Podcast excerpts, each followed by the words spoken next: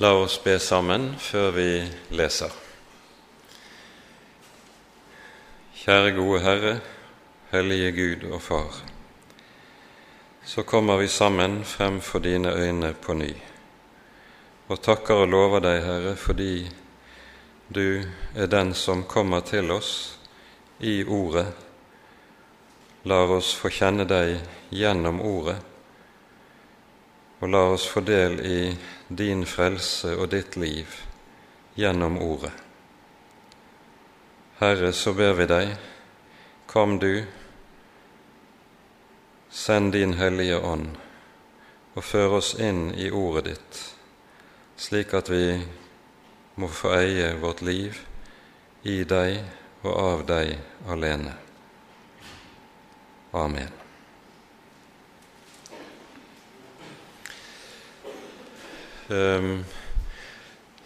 Vi skulle kanskje i parentes nevnt Der hører viftene stå på. Det var litt kjølig her når vi kom, så vi har måttet la de kjøre på litt høyere temperatur. Så jeg håper det ikke forstyrrer for mye. Som nevnt så skal vi altså ta for oss en tematikk som er et hovedtema i Jeremia-boken og i denne perioden av Israels historie, nemlig det vi møter gjennom de falske profeter. Eh, denne tematikken møter vi ganske særlig hos Jeremia, men hos en profet som Esekiel, som er Jeremias yngre samtidige, vil vi også finne at dette er en hovedsak. To hele kapitler i Esekielsboken er viet dette, f.eks., eh, mens en rekke, hos en rekke av de andre profetene finner vi også fenomenet omtalt. Hovedkapitlet i Jeremia-boken når det gjelder dette, det er det 23. kapitlet.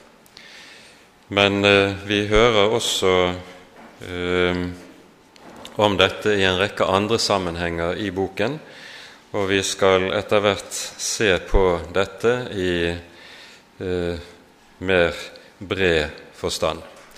Men jeg tror at vi innledningsvis tar oss tid til å lese dette hovedavsnittet i Jeremia 23, før vi ser på sammenhengen som dette står i. Og Da leser vi fra vers 9 av i eh, Jeremia kapittel 23 om profetene. Mitt hjerte er knust i mitt indre, alle mine ben skjelver. Jeg er som en drukken mann, en mann som vinen har overveldet for Herrens skyld og for Hans hellige ords skyld. For landet er fullt av ekteskapsbrytere. På grunn av forbannelsen visner landet. For den skyld er beitemarkene i ørkenen avsvidd. Deres løp er ondt, og deres styrke urett. Både profet og prest er gudløse, endog i mitt hus har jeg funnet deres ondskap, sier Herren. Derfor skal deres vei bli glatte steder i mørket. De skal støtes over ende og falle der. For jeg lar ulykke komme over dem i det år når de blir hjemsøkt, sier Herren. Hos Samarias profeter har jeg sett dårskap. De profeterte ved Baal og førte mitt folk Israel vill. Men også hos Jerusalems profeter har jeg sett grufulle ting. De bryter ekteskapet, de farer med løgn, og de styrker de ondes hender så ingen av dem vender om fra sin ondskap. De er alle sammen blitt for meg som Sodoma, og dets innbyggere som Gomorra. Derfor sier Herren, herskarenes Gud, om profetene. Se, jeg gir dem malurt å ete og beskt vann å drikke. For fra profetene i Jerusalem har gudløshet gått ut over hele landet. Så sier Herren, herskarenes Gud, hør ikke på disse profetenes ord når de profeterer for dere. De fyller dere med tomme innbilninger, de bærer frem sitt eget hjertes syner, og ikke ord fra Herrens munn. Igjen og igjen sier de til dem som forakter meg, Herren har sagt, dere skal ha fred. Og til hver den som følger sitt harde hjerte, sier de, det skal ikke komme ulykke over dere.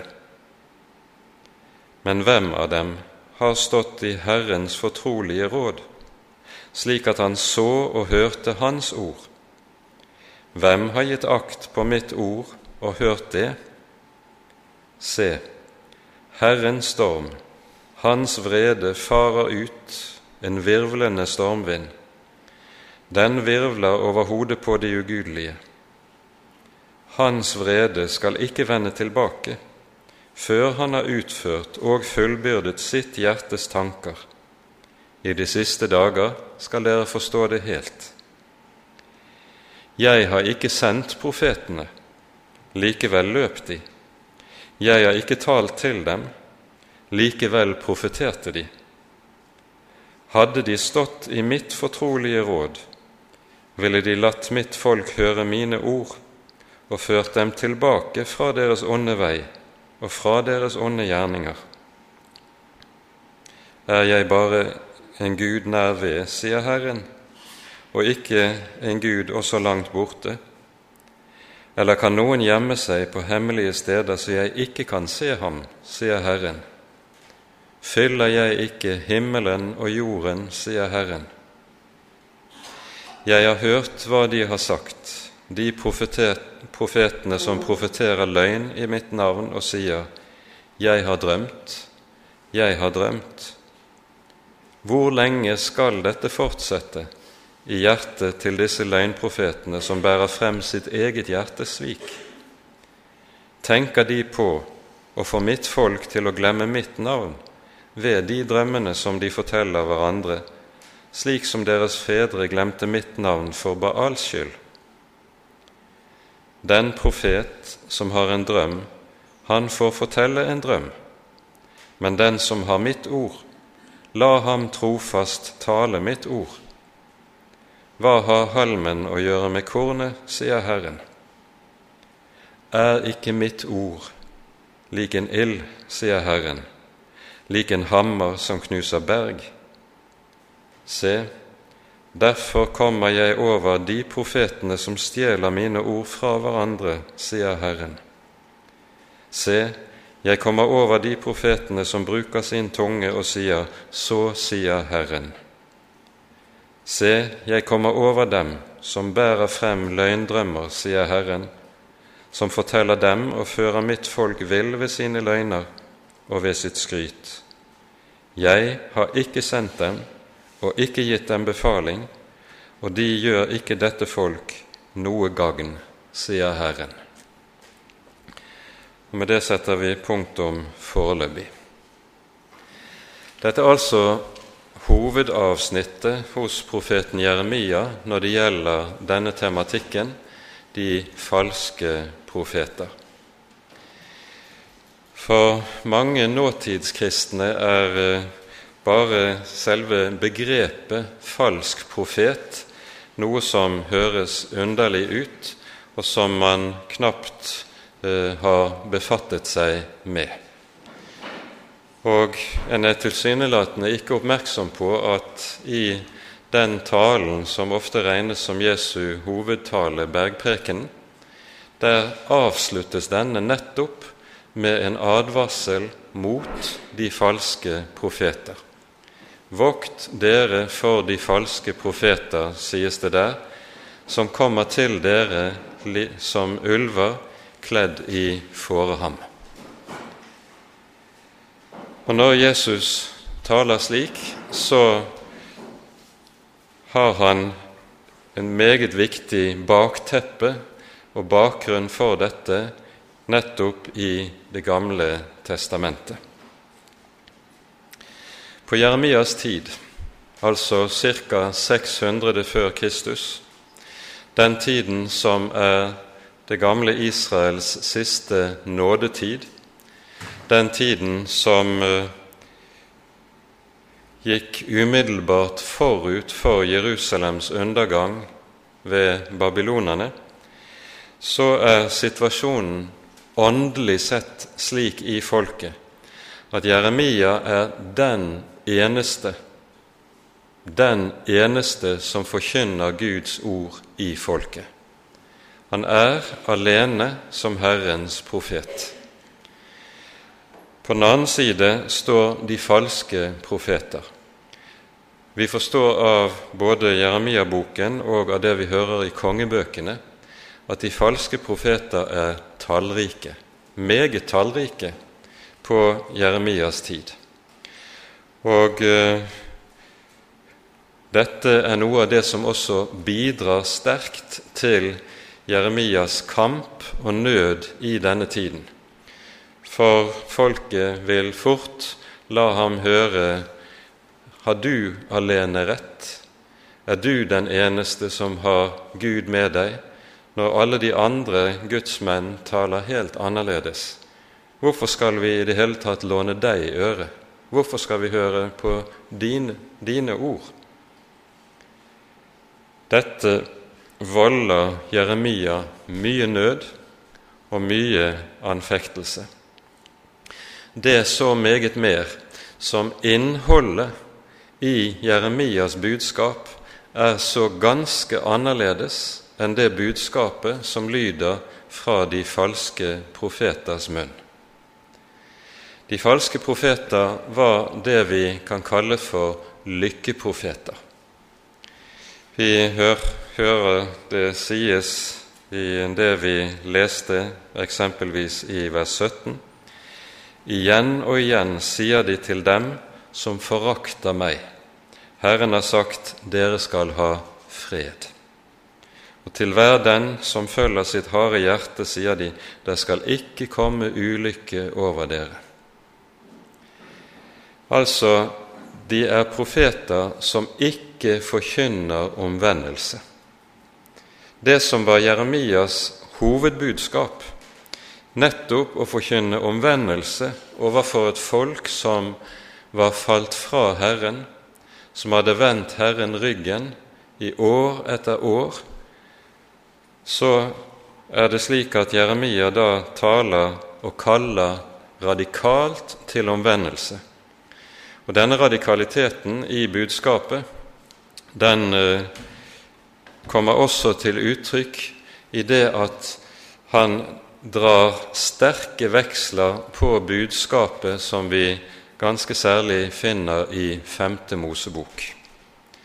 I Femte Mosebok fra kapittel 28 til og med kapittel 32 så er det jo slik at vi her finner Mose avskjedstale. Og i denne avskjedstalen, henimot avslutningen, som altså vi finner i disse kapittel 28 til 32, der hører vi Moses advare folket på det aller sterkeste om hva som vil komme til å skje folket dersom de vender Herren ryggen, begynner å dyrke avgudene og forkaster Herrens ord. Jeremia er skriftprofet i den betydning at han bruker aktivt budskapet som er gitt i Den hellige skrift tidligere. Så det er meget tette bånd mellom det budskap Jeremia forkynner, og det budskapet som vi hører i, særlig i avslutningen av Femte Mosebok. Og La oss bare ta noen ganske få eksempler for å peke på akkurat dette. I 5. Mosebok kapittel 31 så hører vi at folket er kalt sammen med tanke på at Moses skal bære frem sine siste ord. I kapittel 32 finner vi Mose avskjedssang. Og Det som sies i kapittel 31, er at hele folket skal lære denne Mose avskjedssang utenat. Og Begrunnelsen er som følger Vi hører i kapittel 31 i 5. Mosebok fra vers 27. For jeg kjenner ta, Fra vers 26, unnskyld. Ta denne lovens bok og legg den ved siden av Herrens, deres Guds pakts ark. Der skal den ligge til et vitne mot dere. For jeg kjenner din gjenstridighet og din stive nakke. Se, ennå i dag mens jeg lever og er iblant dere, har dere vært gjenstridige mot Herren. Hvor mye mer da etter min død? Kall nå sammen til meg alle de eldste i deres stammer og deres tilsynsmenn så vil jeg tale disse ordene for dem og ta himmelen og jorden til vitne mot dem. For jeg vet at etter min død vil dere gjøre det som ondt er, og vike av fra den vei jeg har befalt dere å vandre. Ulykke skal komme over dere i de siste dager, fordi dere gjør det som er ondt i Herrens øyne, og egger ham til vrede ved det som deres hender har gjort. Og så kommer avskjedssangen i kapittel 32. Og I denne avskjedssangen så beskriver Moses meget nøyaktig på forhånd hva som vil komme til å skje med Herrens folk når de vender Herren ryggen. Det sies ikke 'hvis de vender Herren ryggen', men det sies 'når'. Moses vet hva som skal skje. Det kan være meget nyttig for enhver bibelleser å være fortrolig med det 32. kapittelet i 5. Mosebok. Det er et helt sentralt avsnitt hvis du ønsker å forstå profetenes budskap i Det gamle testamentet. Og Det gjelder både profeten Jesaja og profeten Jeremia. Mose avskjedssang begynner med å tale om Herrens velgjerninger mot sitt folk. Og Disse velgjerningene fører til det stikk motsatte av at folket fylles av takknemlighet til Herren og tro på Herren på grunn av Hans velgjerninger. Det fører i stedet til at de blir mette, selvtilfredse, overmodige, og så i sitt overmot vender Herren ryggen og så rammer ulykken. Det er dette Moses taler om og forutsier i avskjedssangen. Dette er det altså at Jeremia drar sterke veksler på. Og vi hørte et uttrykk som er uhyre betydningsfullt i slutten av vers 29, som vi leste. Dere har egget Herren til vrede ved det som deres hender har gjort. Det er tale om Guds vrede. Og nettopp budskapet om Guds vrede er en meget viktig side ved budskapet hos profeten Jeremia. Dette er samtidig noe som det moderne mennesket og mange nåtidskristne har meget, meget vanskelig for å forholde seg til. Dette så meget mer som man ofte fra teologisk hold kan høre sagt at Det gamle testamentets gudsbilde det er ikke det samme som du finner i Det nye testamentet. I Det nye testamentet hører vi om Jesu milde Fader. I Det gamle testamentet møter vi den strenge hevnens Gud. Og så hevder man da at det i realiteten er tale om en annen Gud i Det gamle testamentet enn det vi finner i Det nye. Dette stemmer ikke med sakens realiteter.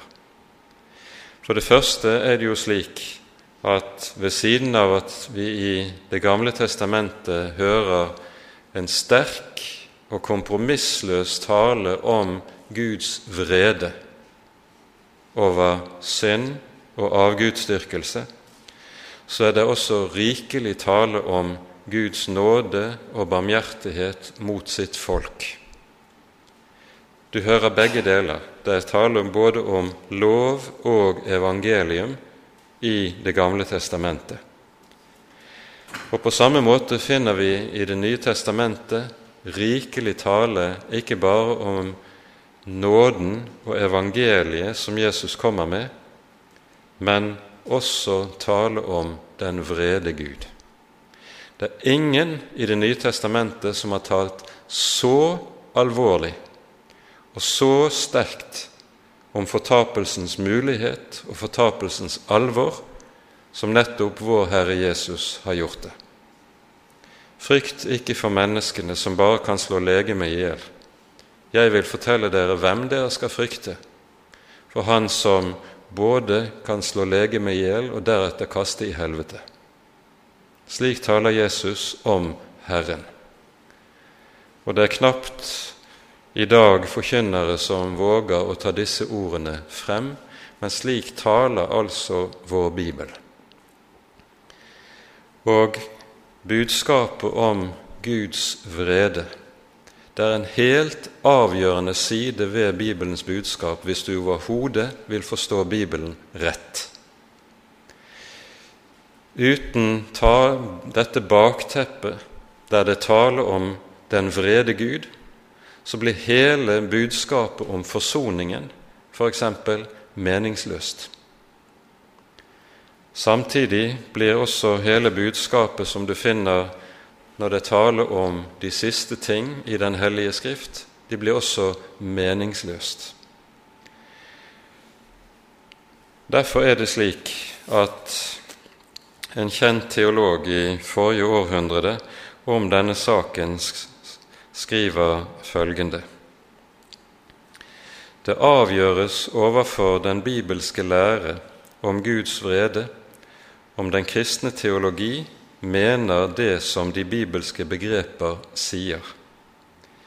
Men overfor Guds vrede viker de fleste av og blir bibelflyktige. Dessverre er det meget sant. En tør ikke å forholde seg til denne radikaliteten som vi finner i vår bibel når det taler om at en hellig Gud er en Gud som ikke tåler det onde. For det er det vreden er uttrykk for. Og det er nettopp dette som er situasjonen i Jeremias dager. Folket står overfor vredens tid, eller det som er et hyppig uttrykk som vi kan møte hos flere av profetene. De står overfor Herrens vredes dag det er det store alvor som folket befinner seg i. Det er dette Jeremia er så forferdelig klar over. Han vet hva som ligger foran dersom folket ikke vender om. De er på vei mot stupet. Og så roper han og roper han for om mulig å kalle dem tilbake. Men folket finner dette budskapet så ubehagelig at de slett ikke ønsker å høre. De ønsker å høre på disse falske profeter som forkynner lykke. Fred og ingen fare lyder det fra dem. Og så fører jo det da til at Jeremia havner i en situasjon der han ikke bare blir ensom, men blir dypt upopulær og hatet på grunn av sitt budskap. Og han blir hatet ikke minst på bakgrunn av det som lyder fra de falske profeters munn. De forkynner akkurat det folket liker å høre og vil høre. Og så lukker de øynene for Jeremias budskap. Men vi vet i ettertidens lys hvem som talte som Guds munn. De falske profeter har gått i graven og er borte. Jeremias ord står der, med historiens klarhet over seg som, og historiens tyngde som beviskraft på budskapets gehalt. Bakgrunnen for det som er denne åndelige situasjonen på Jeremias tid, ligger i noe som skjer hundrede år før Jeremias tid. Og Her står vi overfor en sammenheng i det bibelske budskap som på ny kan være vanskelig å gripe, men som likevel hører med som en viktig side ved det å forstå tiden i Guds ords lys. Og Da må vi gå til profeten Jesajas boks sjette kapittel.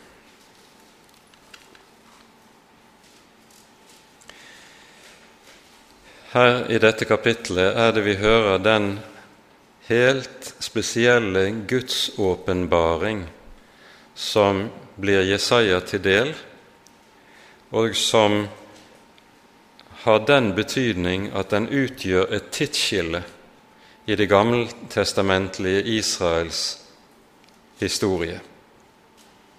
I det år da kong Ussias døde, så jeg Herren sitte på en høy, høy trone. Slepet av hans kåpe fylte tempelet. Serafer sto omkring ham, og så synges det trefoldige hellige. Hellig, hellig, hellig er Herren herskarenes Gud. All jorden er full av Hans herlighet. Jesaja får en åpenbaring av den hellige Gud som vi ikke har, finner maken til i den gammeltestamentlige åpenbaringshistorie. Vi rekker ikke å gå inn på alle sider ved det vi finner i denne teksten, men møtet med Guds herlighet og Guds hellighet fører til at Jesaja havner i den dypeste redsel og frykt. Ved meg, jeg er fortapt, for jeg er en mann med urene lepper, og jeg bor midt iblant et folk med urene lepper, og mine øyne har sett Herren, herskarenes Gud. I møte med Den hellige så avsløres han restløs som den han er, som en synder full av alt som er Gud imot. Og så blir det også slik at denne avsløring fyller med den dypeste angst. Det er vel verd å tenke igjennom hva det innebærer. Jesaja opplever å bli renset fra sin synd. Og etter å være renset fra sin synd, så sendes han av Herren.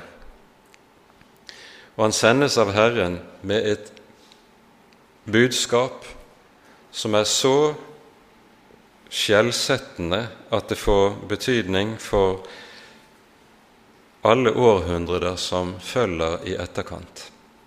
Vi leser fra vers 9 av Herren sa:" Gå av sted og si til dette folk, hør og hør, men forstå ikke. Se og se, men skjønn ikke. Gjør hjertet sløvt i dette folk, gjør ørene tunghørte og klin øynene til, for at de ikke skal se med øynene og høre med ørene, slik at hjertet ikke skal forstå og omvende seg, så de kan bli lekt. Da spurte jeg, hvor lenge, Herre? Og han sa, Til byene er ødelagt og folketomme. Husene uten mennesker, og landet er ødelagt og blitt til en ørken. Hva er det som skjer her? Dette tidfestet nøyaktig i det år kong Ussias døde. Vi er, befinner oss antagelig rundt år 735 740 før Kristus, altså vel 100 år før Jeremias tid. Ved dette tidspunkt er det 200-250 år siden kong David døde. Under Davids tid og Salomos tid er det Israel har opplevd sin største åndelige oppblomstring og oppvåkning. Denne oppvåkning hang sammen med profeten Samuels virke, som hadde en dybdevirkning i folket, som utgjør bakgrunnen for den velsignelsesrike tiden som vi finner nettopp under David og Salomo. Men etter Davids og Salomos død så ser vi hvorledes Israels historie kommer til å bestå i et stadig dypere og sterkere frafall fra Herren.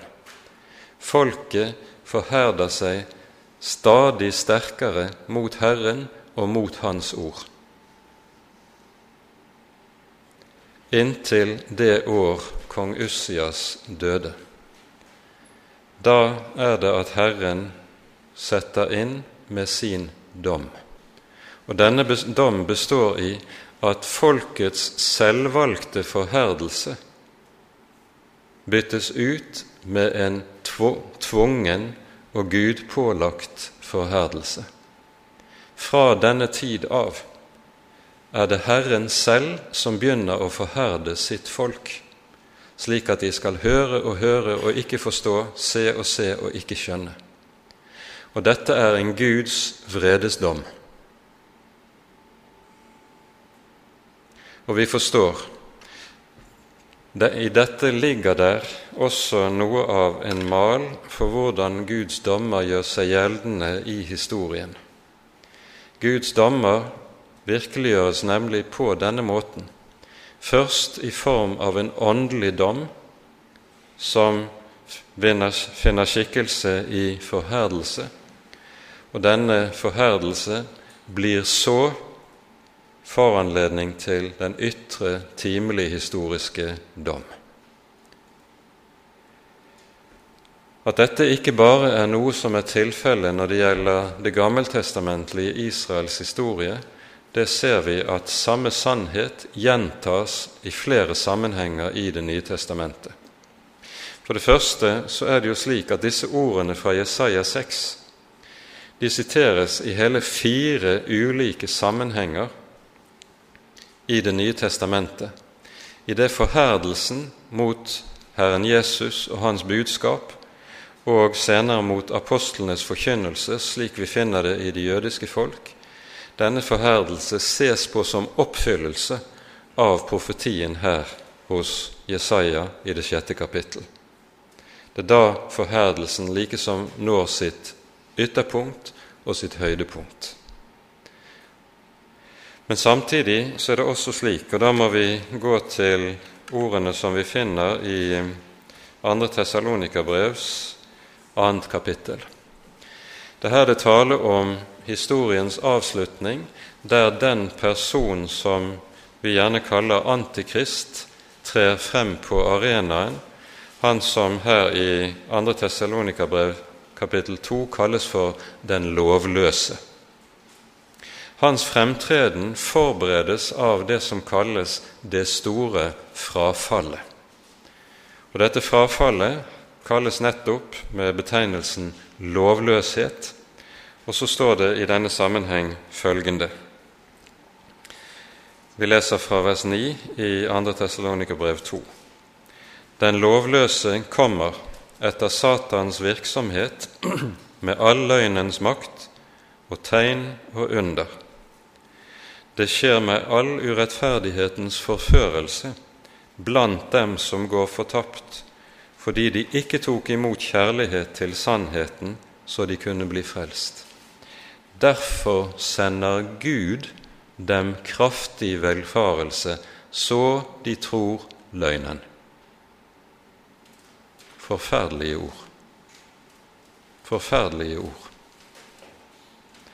Men dette er altså uttrykk for Guds dommer, slik som de, vi møter dem i Den hellige Skrift, at når mennesket ikke tar imot kjærlighet til sannheten, da kan Gud før eller senere gå til det skritt at han begynner å forherde mennesket, så det blir ute av stand til å høre og forstå og omvende seg. Det er dypt alvor i dette, men i dette er Skriften entydig. Vi møter akkurat samme sak i Romerbrevets første kapittel, der det er tale om hvorledes Guds vrede åpenbares over all ugudelighet og urettferdighet hos mennesker som holder sannheten nede i urettferdighet. Altså, det åpenbares ikke over alle menneskers ugudelighet og urettferdighet, men over dem som holder sannheten nede. Det det dreier seg om i denne sammenheng, det er altså hvorledes mennesket stiller seg til sannheten. Og Det er nettopp det som vi har med å gjøre når vi er i dette avsnittet i Jesaja 6, og når vi kommer til Jeremias tid, så er det denne forførelse som gjør seg gjeldende hos de falske profeter. Fordi de ikke tok imot kjærlighet til sannheten, sender Gud dem kraftig villfarelse. Svermen av falske profeter er uttrykk for Guds åndelige dom over et folk som ikke har villet høre Herrens ord, men tvert om har avvist det, forkastet det, forfulgt hans profeter og forkastet hans nådegjerninger. Dette er Israels historie i et nøtteskall. Og hopper vi tilbake til Jeremia, så leser vi om dette i det syvende kapittel i Jeremia-boken. I dette kapitlet hører vi hvorledes folket har gitt seg hen til falsk gudsdyrkelse.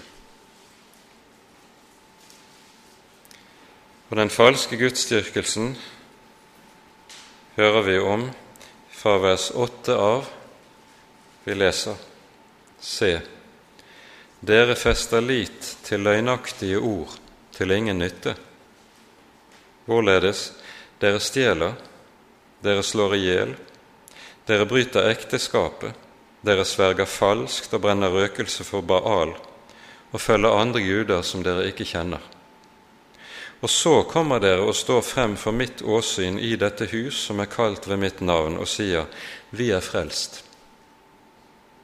Og så vil dere fremdeles gjøre alle disse motbydelige gjerninger.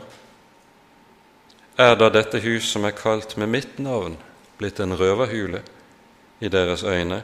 Se, jeg har sett det, sier Herren. Hva er det som kjennetegner denne falske gudsdyrkelse? Den er kjennetegnet ved det at folket er meget religiøse. De ber og de ofrer i tempelet, men dette religiøse liv, det går sammen med at menneskene ikke vil vende om. De lever fritt ut i sine synder, i strid med Guds klare ord. Og så kommer de og sier 'Vi er frelst'. Det er nøyaktig samme sak vi ser i våre dager når man fra ulike hold innenfor den offisielle kirke vil legitimere det som er åpenbar og alvorlig synd etter Guds ord, og vil hevde menneskene kan likevel være frelst. Er da mitt hus blitt til en røverhule, sier Herren? Dette er det dype alvor, også med dagens situasjon. Når Jeremia skal sammenfatte hva som ligger bak denne falskhet i gudslivet, så gjør han det litt lenger ute i det syvende kapittel. Og Dette er et avsnitt som på mange måter står der som noe som liksom sammenfatter det som er summen, sluttsummen, av hvorledes folket har forholdt seg til Herren i disse årene.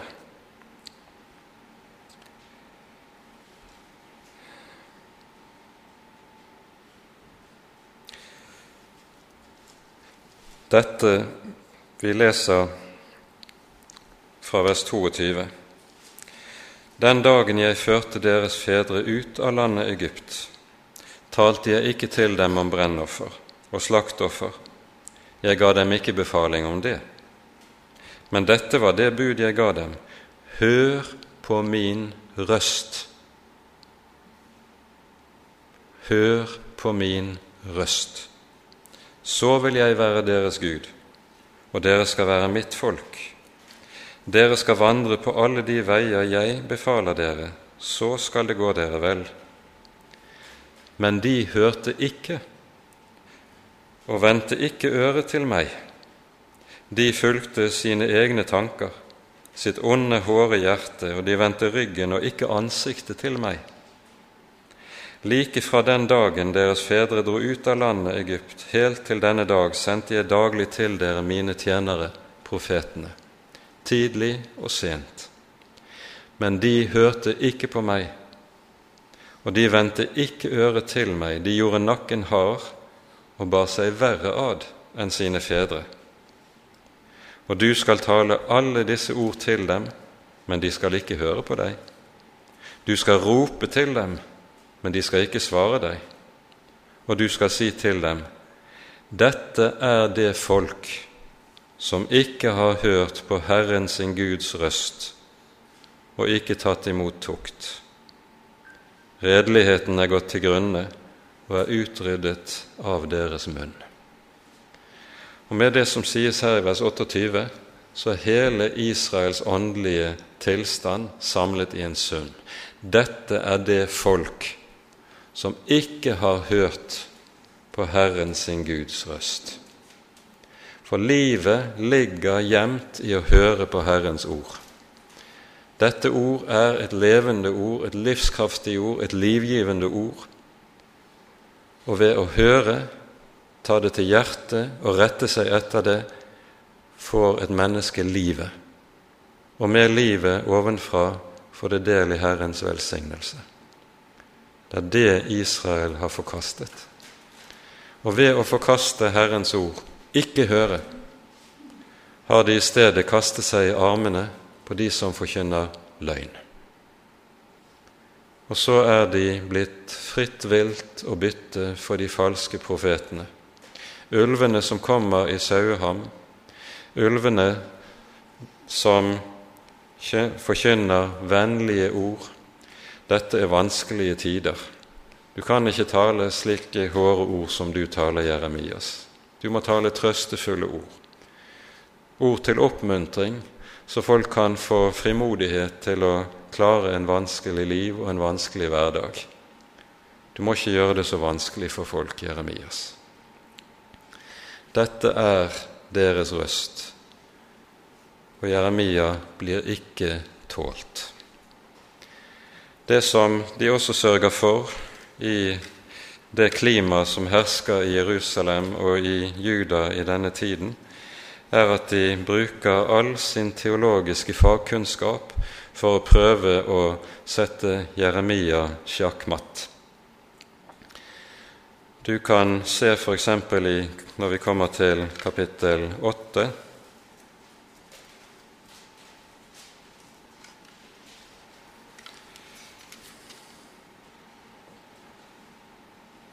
Der står det følgende Hvordan kan dere si vi er vise, og Herrens lov har vi hos oss? Sannelig, se til løgn har de skriftlærdes løgnpenn gjort den. De har altså Guds ord, men de vrir på det.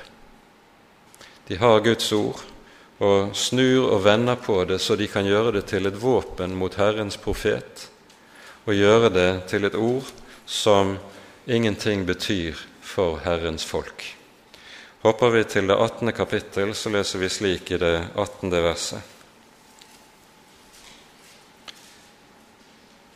Da sa de, Kom, la oss tenke ut onde planer mot Jeremia, for presten har jo loven, og den vise, den skriftlærde, har råd, og profetene har ord fra Gud. Kom, la oss slå ham med tungen og ikke akte på noen av hans ord. så bruker man altså sin, sine teologiske begreper og teknikker for å søke å sette Herrens profet sjakk matt. Han blir alene. Han har det ikke lett. Og så kommer de falske profeter med sitt budskap. Fred, fred, sier de. Til alle dem som forakter mitt navn, sier de, ingen ulykke skal ramme dere. Og det, sånn som vi leste det i vers 14 i det 23. kapittelet, de styrker de ondes hender, så ingen av dem vender om fra sin ondskap. Altså, der lyder intet budskap som kaller til omvendelse. De sier i stedet 'Gud er god', 'Gud er nådig', 'Han er kjærlig', så det er ikke noen fare med det. Gud er med deg. Så dermed så behøver man ikke å ta så tungt på hvorledes en innretter livet sitt. En kan fortsette å gå sine egne veier. Og en gjør det med de falske profeters løfte om at Herren velsigner når man går sine egne veier. Hos profeten Mika brukes der et særegent uttrykk som er meget treffende når det gjelder akkurat dette der det taler om hvorledes de skriftlærde arbeider med begge hender for å få det onde til å synes godt.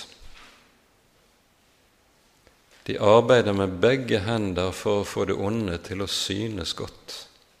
Det er nettopp det de falske profeter gjør. Og så er det løgnen som får, makt blant menneskene, men sannheten drukner i dette mudder, denne mudderstrøm av løgn. De falske profeter sin kilde, som de øser av, det er det vi kaller for eh, svermeri. De bærer frem sitt eget hjertes syner, hører vi det lyder. Altså kilden for deres forkynnelse og for deres budskap ligger ikke i Guds ord, men det ligger i deres eget hjerte. Parallelt kan vi i våre dager høre høyrøstet tale om visjoner som mennesker har, og som de mener seg å ha fått fra Gud. Visjoner som ofte blir til den største plage for Guds folk. Det er den samme slags drømmer som er hentet fra egne hjerter, som vi hører hos Jeremia her i kapittel 23. Den profet som har en drøm, han får fortelle en drøm. Han får si at det er en drøm, og ikke gi det ut for noe mer. Men den som har Herrens ord, han skal bære frem Herrens ord og la det stå for det det er, med full verdi.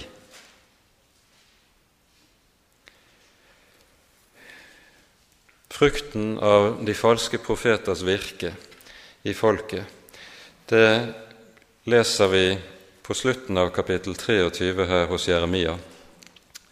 At det får folket til i sitt allmenne omdømme av, om Jeremia å mene at han er en sann plage, som ikke gjør annet enn å legge byrde på dem. Vi hører når vi leser fra vers 33 her i Jeremia 23 følgende Når dette folk eller en profet eller prest spør deg hva er Herrens byrde, da skal du si til dem hva byrden er, og jeg vil kaste dere bort. Den profet og den prest og den er folket som sier Herrens byrde, den mann og hans hus vil jeg hjemsøke. Slik skal dere si hver til sin neste og hver til sin bror. Hva har Herren svart? Hva har Herren talt? Men Herrens byrde skal dere ikke nevne mer, for hver manns eget ord skal være hans byrde. Fordi dere har forvansket den levende Guds Herrens, herskarenes Guds, vår Guds ord. Dette kan virke litt eh, kryptisk ved første gangs lesing. Men det det her dreier seg om, er at vi møter et ordspill på hebraisk. Det hebraiske ordet 'massa' det er et ord som både kan bety et budskap som bæres frem, samtidig som ordet også kan bety en byrde. Og Vi skjønner at folket har anvendt dette ordet for å betegne profeten Jeremias forkynnelse. Hans budskap er en byrde som legges på folket. Det er noe som er så tungt at de orker ikke å høre på det. Det de heller vil høre på, er det som er så lett. Den lettbente forkynnelse, det vil alle høre på. Det som blir populært og ikke er for vanskelig. Men det som er tungt, det vil ingen høre på. I det møter vi noe som er ganske parallelt til så meget av det vi finner i vår egen tid, der hvis det lyder om en forkynner eller predikant at han er tung, da er han med en gang satt på sidelinjen. For eh, det bør man ikke være i en tid som er overfladisk mer enn mange andre tider i historien. En dyrker det lettvinte, det lette og det som ikke har noen tyngde. Mens i Skriften er det jo på motsatt side slik at når Skriften taler om Herrens herlighet som et begrep som samler i en sum hvem den levende Gud er i sin fylde, så er dette ordet herlighet et ord som på hebraisk nettopp betyr tyngde. Herrens herlighet, det er hans tyngde. Og vi skjønner ut av hvorledes språket klinger imot oss fra vår bibel, at det som hører Herren til, det har i seg en hellig tyngde som alltid må ligge der hvis forkynnelsen samtidig også skal være sann og bære frem noe som er fra den levende Gud selv.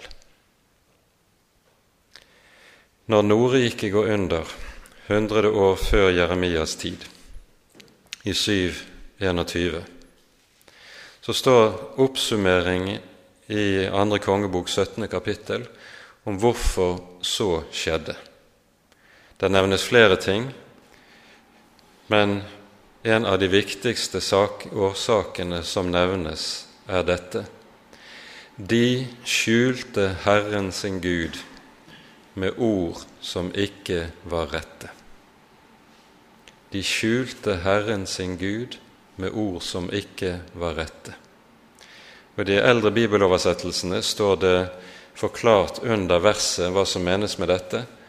Det betyr konkret med falske forklaringer av Herrens ord skjulte de Hans sanne vesen. Og det er nettopp det som ligger i det. Det er dette de falske profeter gjør, og det er det som gjør deres virksomhet så livstruende for Guds folk. Fordi saken jo også er den at der Herrens ord lyder rett, der åpenbares Herren for mennesker, slik at en møter ham selv i egen person og lærer ham selv å kjenne. For der Guds ord lyder rett, der trer den levende Gud oss selv i møte, i Ordet, ved Ordet og gjennom Ordet. Det er det løftet han har gitt. Det er dette feltet vi står oppe i hos Jeremia, og som er det dype alvor over hele hans tid og hele hans situasjon. Og jeg har mange ganger fundert over om det ikke burde brukes en del arbeid på å gå etter det som er løgnens rolle i menneskets historie. Man sier ofte at man er på jakt etter sannheten, men saken er at det ser ut til at løgnen stadig kommer til å ha overtaket. I fornyelsestidene i Guds folks liv, da lyder sannheten igjen klart og sterkt.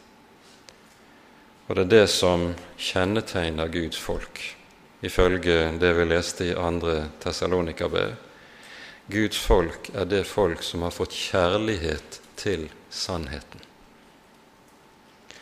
Og kjærlighet til sannheten, det betyr at en elsker alt Guds ord, også det ord som vi kan ha vanskelig for å forstå, også det ord som kan lyde kvast, og som kanskje kan ta livet av meg.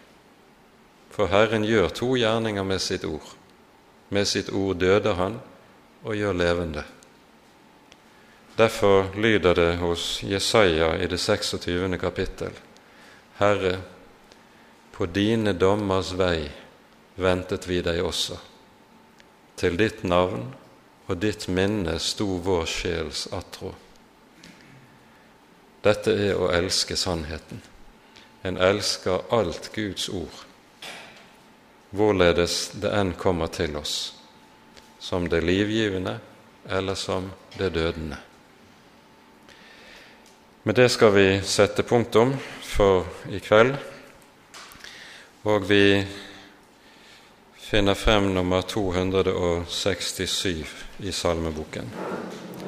Ære være Faderen og Sønnen og Den hellige ånd, som var og er og være skal en sann Gud, høylovet i evighet. Amen.